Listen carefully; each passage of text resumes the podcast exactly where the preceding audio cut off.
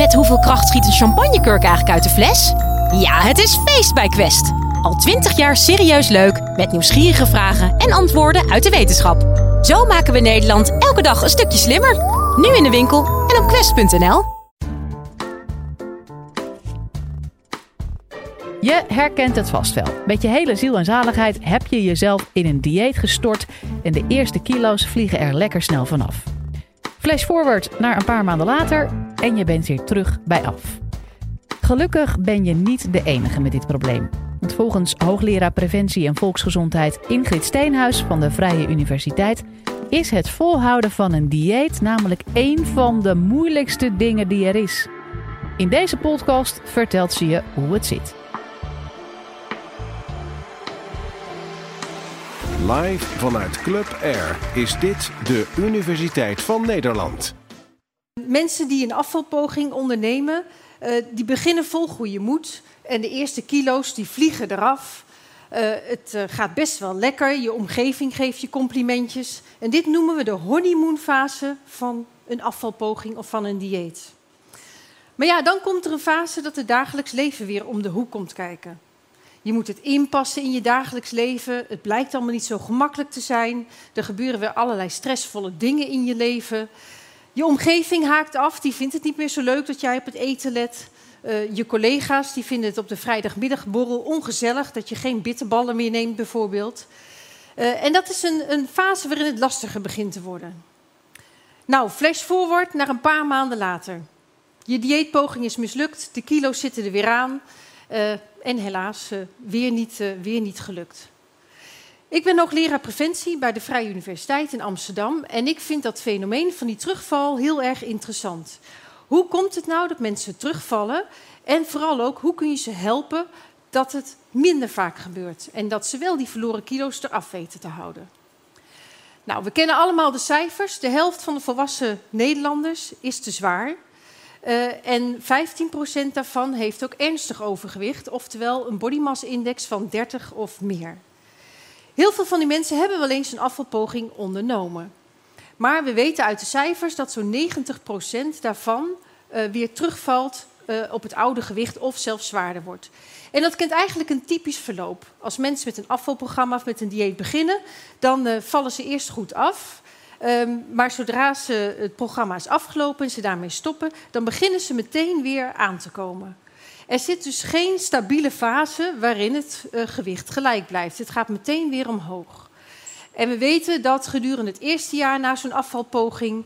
dat ongeveer een derde van het verloren gewicht er weer bij komt. Dit gaat zo door tot vijf jaar later. Uh, en dan zitten eigenlijk alle verloren kilo's er weer, uh, er weer aan. En mogelijk ben je zelfs zwaarder dan voor je afvalpoging. Nou, waarom gebeurt dit zo vaak? Tijdens dit college ga ik jullie vertellen hoe het komt dat mensen terugvallen in hun oude gedrag en dus de kilo's er weer aankomen uh, en wat je daar uh, aan kan doen. Nou, en om jullie meteen maar een bekentenis te doen, ik zou zelf een dieet geen dag volhouden. Ik vind het te moeilijk, ik vind het lastig, kost te veel energie. Um, en ik denk dat het veel meer zou moeten gaan om een duurzame leefstijlverandering die je wel gemakkelijk de rest van je leven volhoudt. Want niemand eigenlijk houdt de rest van zijn leven een dieet helemaal vol. En in het begin lijkt het heel aangenaam en heel uh, uh, veelbelovend. Je volgt een voorgeschreven dagmenu en dan gaan de kilo's er vanaf. Uh, maar ja, dat klinkt als een wonder en dat, dat, dat, ja, dat, dat bestaat eigenlijk niet. Uiteindelijk gaat het toch om een duurzame leefstijlverandering die je wel de rest van je leven volhoudt. Nou, en veranderen is eigenlijk keihard werken en dat gebeurt in een aantal fasen. Um, en dat is niet meteen de fase waarin je al van alles aan je gedrag uh, gaat veranderen. Dat is wel de meest bekende fase, de actiefase. Een eerste fase die daar is, is een fase van bewustwording. De huidige situatie zoals die is, die is niet meer in overeenstemming met wat je wil. En in die fase is het heel belangrijk om je af te vragen: wat is nou mijn dwingende noodzaak om te veranderen? Wat is nou mijn echte reden waarom ik wil afvallen? En als gezondheidsprofessionals denken we heel vaak dat gezondheid een hele belangrijke dwingende noodzaak is. Maar ook dat is heel vaak niet het geval. Andere dingen zijn veel belangrijker. Een opa die wil, die wil voetballen met, uh, met zijn kleinzoon bijvoorbeeld. Dat kan een, een dwingende noodzaak voor, voor, iemand zijn om uh, gezonder te gaan leven. Op het moment dat je niet heel duidelijk voor jezelf hebt wat die dwingende noodzaak is, zul je bij de eerste de beste hobbel, de eerste de beste moeilijke situatie, onderuit gaan en denken, nou ja, laat maar zitten dat afvallen. Nou, dan komt er een fase van overwegen. En uh, daarin ga je de voor- en de nadelen van het afvallen afwegen tegen elkaar. Want het heeft voordelen. Je wordt fitter, je voelt je energieker. Maar ja, het heeft natuurlijk ook wel nadelen. Uh, eten was misschien wel een hele makkelijke manier om jezelf te belonen. En dat kan dan niet meer langer op die manier. Misschien is er ook wel heel veel concurrentie eh, in je leven. Binnen jezelf, allerlei andere doelen die je wil nastreven. Gezelligheid bijvoorbeeld. Heel veel dingen strijden om jouw tijd en aandacht. Een term die vaak gebruikt wordt is cognitieve capaciteit. Dat is eigenlijk hoeveel ruimte heb je nou in je hoofd om bezig te zijn met die leefstijlverandering. En op het moment dat die cognitieve capaciteit niet zo heel erg groot is, uh, zal de, de kans dat je gedragsverandering slaagt kleiner worden. Dat betekent niet meteen dat je er dan niet aan moet beginnen, maar het betekent wel dat je je verwachtingen heel erg naar beneden moet bijstellen. Nou, na die fases van bewust worden en overwegen komt er ook nog een fase van uh, voorbereiden. Welke doelen ga je nastreven? Um, en die doelen, dat moet niet alleen maar een prestatiedoel zijn. Ik wil zoveel kilo afvallen, maar dat moeten juist en vooral ook gedragsdoelen zijn. Wat ga je, ga je nou daadwerkelijk doen? Zoals ik op donderdagavond uit mijn werk thuis kom, trek ik meteen mijn hardloopkleding aan en ga een rondje lopen. Of als ik vanavond uh, op de bank zit, dan uh, uh, drink ik een kop thee in plaats van frisdrank. En het helpt dan om vooral te specificeren wat je wel gaat doen. En niet meer alleen maar wat je niet meer gaat doen of wat je gaat, wat je gaat laten. Nou, daarna komt echt de fase dat je aan de slag gaat, dat je in actie komt en dat je je gedrag uh, in je leefstijl daadwerkelijk verandert. En daarna komt dus die volhoudfase, die moeilijke fase waarin het zo vaak fout gaat. Nou, er is best wel wat bekend over wanneer het fout gaat. En uh, Marlet is een uh, Amerikaanse wetenschapper die heeft een model gedefinieerd over terugval. En dat heeft hij oorspronkelijk gedaan over verslavende gedragingen. Maar daarna is dat model heel vaak toegepast op andere leefstijlgedragingen, waaronder eten, bewegen en ook gewichtsmanagement. Uh, en dat model zegt eigenlijk dat een terugval heel vaak begint in een hoogrisicosituatie. Dat is een, situatie waarin de kans dat het fout gaat, dat je je niet aan je, aan je uh, eet- en dieetvoornemens houdt, uh, dat die kans veel groter is.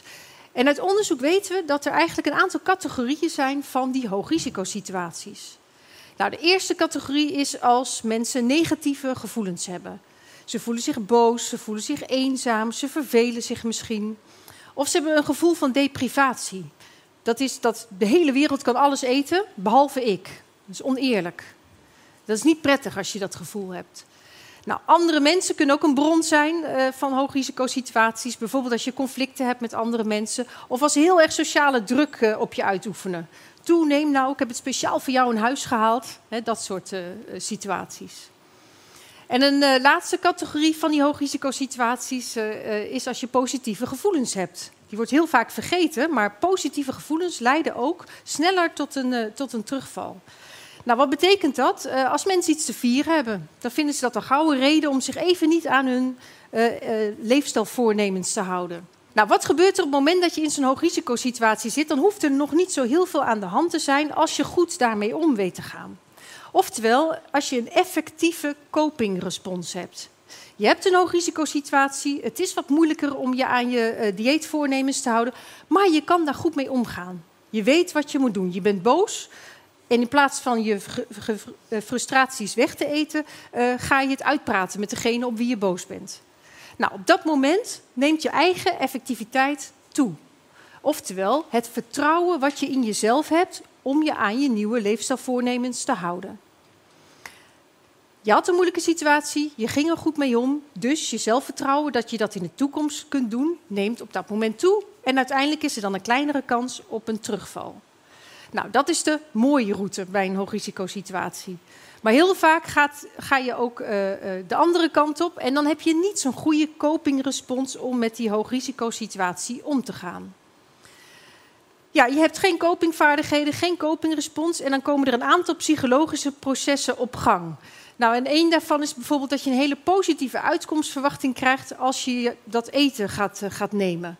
Dus plotseling denk je, je bent boos, je weet niet hoe je er goed mee omgaat. En dan denk je, als ik nu die reep chocola eet, zal ik me een stuk beter voelen.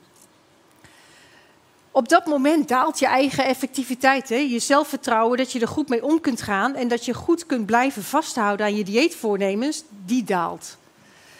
Um, nou, op dat moment is de kans groot dat je een uitgeleider maakt, of een laps, zoals dat in termen van de theorie eh, heet.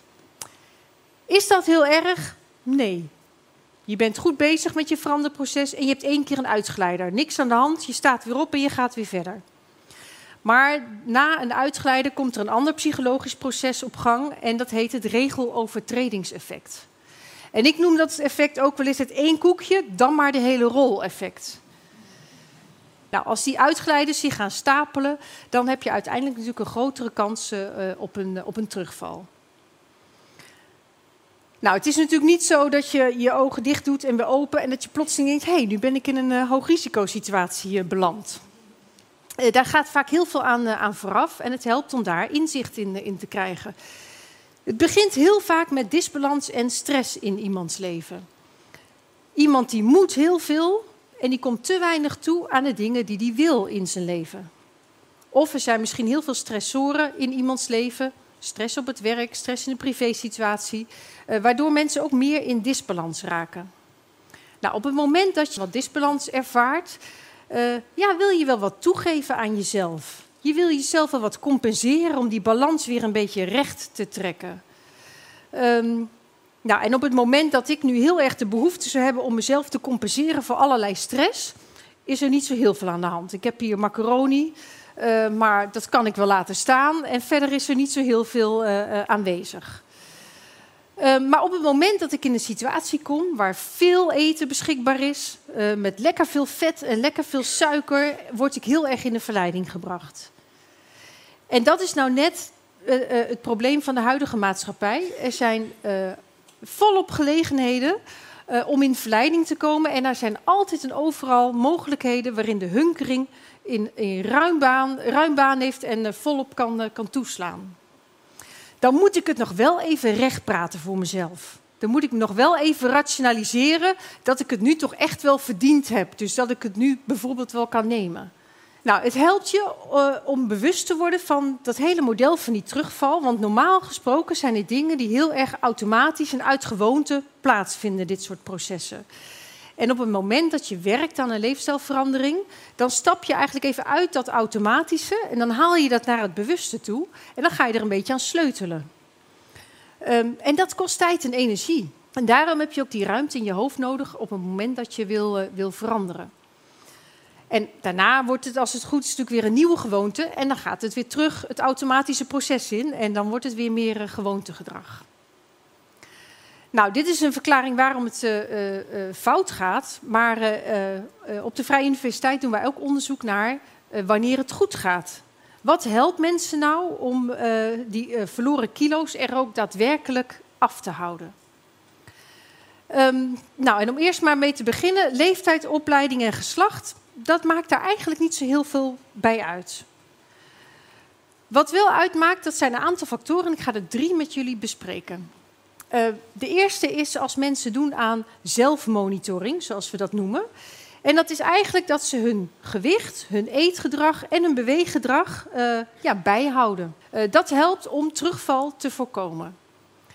Een tweede factor die uit onderzoek blijkt, is weer die eigen effectiviteit, die we net ook al zagen in dat model van Marlet. En die eigen effectiviteit is dus denk je dat je in staat bent om voldoende te bewegen, op je eten te letten, op je gewicht te letten. En als die eigen effectiviteit laag is, wordt het niks met de gedragsverandering. En voor die eigen effectiviteit heb je zowel uh, ja, het vertrouwen nodig dat je iets kunt, maar je hebt ook de vaardigheden nodig om het echt daadwerkelijk te kunnen. Beide zijn daarbij uh, bij belangrijk. Nou, dan is er nog een, eh, een, derde factor en dat is portiecontrole. De mensen die het lukt om die kilo's eraf te houden, die doen aan portiecontrole. Die letten op de hoeveelheid die ze eten. En die uh, porties, dat vind ik een heel interessant fenomeen waar ik uh, ook onderzoek naar doe.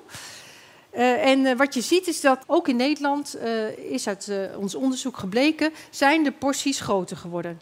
Er zijn grotere flessen frisdrank geïntroduceerd. De voorgesneden plakjes kaas zijn, zijn dikker. De zakken chips zijn groter geworden. En er zijn grote varianten hamburgers bijgekomen. Nou, wat gebeurt er op het moment dat je met een grote portie of verpakking geconfronteerd wordt? Hier zie je twee borden macaroni. 400 gram, 800 gram. Uh, op het moment dat je dit aan mensen voorzet en je zegt eten van zoveel als je wil, dan zullen mensen meer eten van die grotere hoeveelheid. Ongeacht hoeveel trek ze hebben en ongeacht of ze het nou wel of niet heel erg lekker vinden. Bij een dubbele portie, weten we uit onderzoek, eten mensen gemiddeld zo'n 30% meer. En dat geldt voor macaroni, maar dat geldt eigenlijk voor alle typen eten uh, en drinken. Nou, mensen compenseren daar ook niet voor op een later tijdstip. Dus op het moment dat ik bij de lunch een grotere portie eet, eet ik niet bij het avondeten een kleinere uh, uh, hoeveelheid. Nou, hoe komt het nou dat je van een grotere portie meer gebruikt, meer eet? Daar zijn ook een heel aantal verklaringen voor en de drie belangrijkste bespreek ik met jullie. En de eerste is waar voor je geld. Wij als consument willen zoveel mogelijk waar voor ons geld. Value for money uh, heet dat. Um, en wij vinden het als consument ook heel normaal dat we als we een grotere hoeveelheid kopen, dat we daar relatief minder voor betalen. Dus grotere hoeveelheden zijn relatief goedkoper. En zo worden we als consument gestuurd richting het kopen van die grotere porties. Nou, daarnaast is het ook zo, een tweede verklaring, dat uh, ja, die, een, portie beschouwen wij als een, als een norm. De hoeveelheid eten die je wordt voorgezet, ja, dat zal wel de normale hoeveelheid zijn om te eten. En we vragen ons daar niet heel erg bij af uh, of het daadwerkelijk een normale hoeveelheid is. We eten één pizza, ongeacht hoe groot die is. En het woord wat daar vaak voor gebruikt wordt is portion distortion. Oftewel, we hebben een vertekend beeld van wat een normale, gezonde portie zou zijn. Nou, de naamgeving helpt ook niet echt mee daarbij. Dit is een reclame van een Amerikaanse koffieverkoper. Koffie, en daar zie je dat er een extra large is bijgekomen en dat de large van gisteren vandaag een medium heet. Dus de vraag is, ja, is die medium wel daadwerkelijk een medium? Eigenlijk bevat die al veel te veel om nog een medium te kunnen heten. Nou, grip krijgen op die porties is dus ook nog een belangrijke sleutelfactor om af te vallen, maar ook om die terugval te voorkomen uiteindelijk. Nou, dat blijvend gewichtsverlies, is dat nou een verloren zaak of niet? Um, ik denk het niet. Ik heb jullie in dit college wel laten zien waarom het zo moeilijk is uh, om je leefstijl uh, te veranderen en, en om af te vallen. Uh, maar ik denk als je je bewust wordt van allerlei processen die een rol spelen, dat het je wel lukt om, om stap voor stap een ja, duurzame leefstijlverandering te maken. En kijk de volgende keer dan ook iets kritischer naar die caramel latte macchiato, die een M genoemd wordt, maar in feite een XL is. Dank jullie wel. Heeft deze podcast je nou geprikkeld om meer te weten te komen over de wetenschappelijke wereld?